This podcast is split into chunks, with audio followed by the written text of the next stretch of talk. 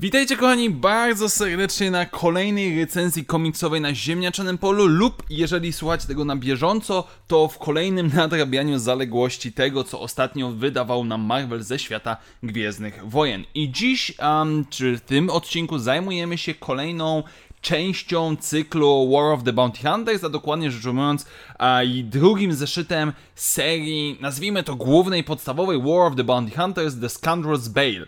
Um, czyli kolejne przygody całego wydarzenia War of the Bounty Hunters, które tłumaczę na samym, w pierwszym materiale na tej playliście na YouTube, jeżeli ktoś z Was jeszcze nie wie o co chodzi. Um, i, tu, e, i, I tutaj mamy oczywiście do czynienia z serią komiksową, która jest z perspektywy Boby Fetta, głównego bohatera całego wydarzenia.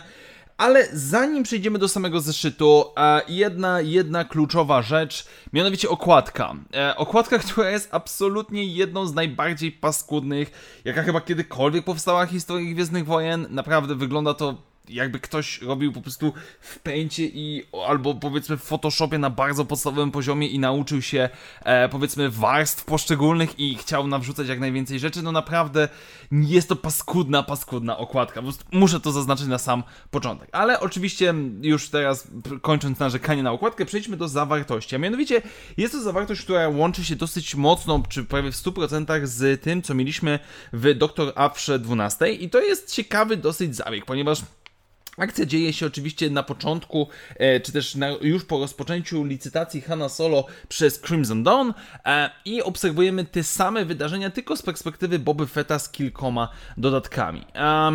I jest to oczywiście, jest z jednej strony okazja do rozbudowy motywacji poszczególnych gangów, e, takich jak Hatowie, tacy jak Black Sun, Pajkowie, Imperium, którzy w jakiś sposób reagują, czy to na pojawienie się Crimson Dawn, czy to na przykład na to, że trzeba współpracować z innymi gangami gangami, mówię tutaj oczywiście o Imperium, z drugiej strony mamy Bobę Fetta. Um, I co jest na pewno nadal, co mi się podoba w całym tym zeszycie, to jest taka wytrwałość Boby Fetta, nazwijmy to w ten sposób. On, nieważne co się dzieje tutaj w trakcie tego zeszytu, czy to łowcy nagród w postaci Boska, o którym za chwilę, czy to pojawienie się Vadera, czy to pojawienie się czegokolwiek tak naprawdę, nic nie zmienia jego postanowienia, który jest bardzo proste. To jest moja nagroda, to jest mój, moja zdobycz, to jest mój Han Solo i on jest mój. I nieważne kto stanie na mojej drodze, prędzej czy później jego dorwę. I to jest ta wytrwałość, która mi się strasznie podoba w całej tej serii komiksowej. To jest to, co, co naprawdę jest na plus, jeżeli chodzi o Boba Fetta. Natomiast idąc dalej, a, mamy konfrontację z Boskiem, która nie jest do końca udana. Znaczy się z jednej strony E, sam fakt tego, że chłopaki podchodzą do siebie profesjonalnie, mimo że Boba Fett urywa nogi Boskowi, jakby tutaj nie ma żadnego problemu, bo odrosną, to jest na plus, ale z drugiej strony, biorąc pod uwagę, jak w serii Bounty Hunters e, był zapowiadany, jak został przedstawiony Bosk na swoim pojedynczym zadaniu i jak został zrekrutowany przez, Bobę, e, przez Jabę, myślałem, że to będzie jakieś lepsze podejście. jak i również takie trochę na siłę wspominanie o Clone Warsach, wspominanie o tym, że o, ja cię pamiętam od dzieciaczka, jaki taki mały byłeś berbeć i tak dalej, i tak dalej, e, jakoś, jakoś nie za bardzo podchodzi. No i fakt tego, że Bosk, no zobaczymy jak się wydostanie, czy się wydostanie, czy nie zamarznie na planecie, no to już jest um, ciekawe, bo w sumie Zukus i Forlom formalnie nie żyją, zostali zabici przez Boba Fetta, więc zobaczymy, którą stronę to zmierza, chociaż no, nie sądzę, żeby mimo wszystko tak znana postać jak Bosk został tak w prosty sposób zlikwidowany, więc, więc zakładam, że raczej powróci.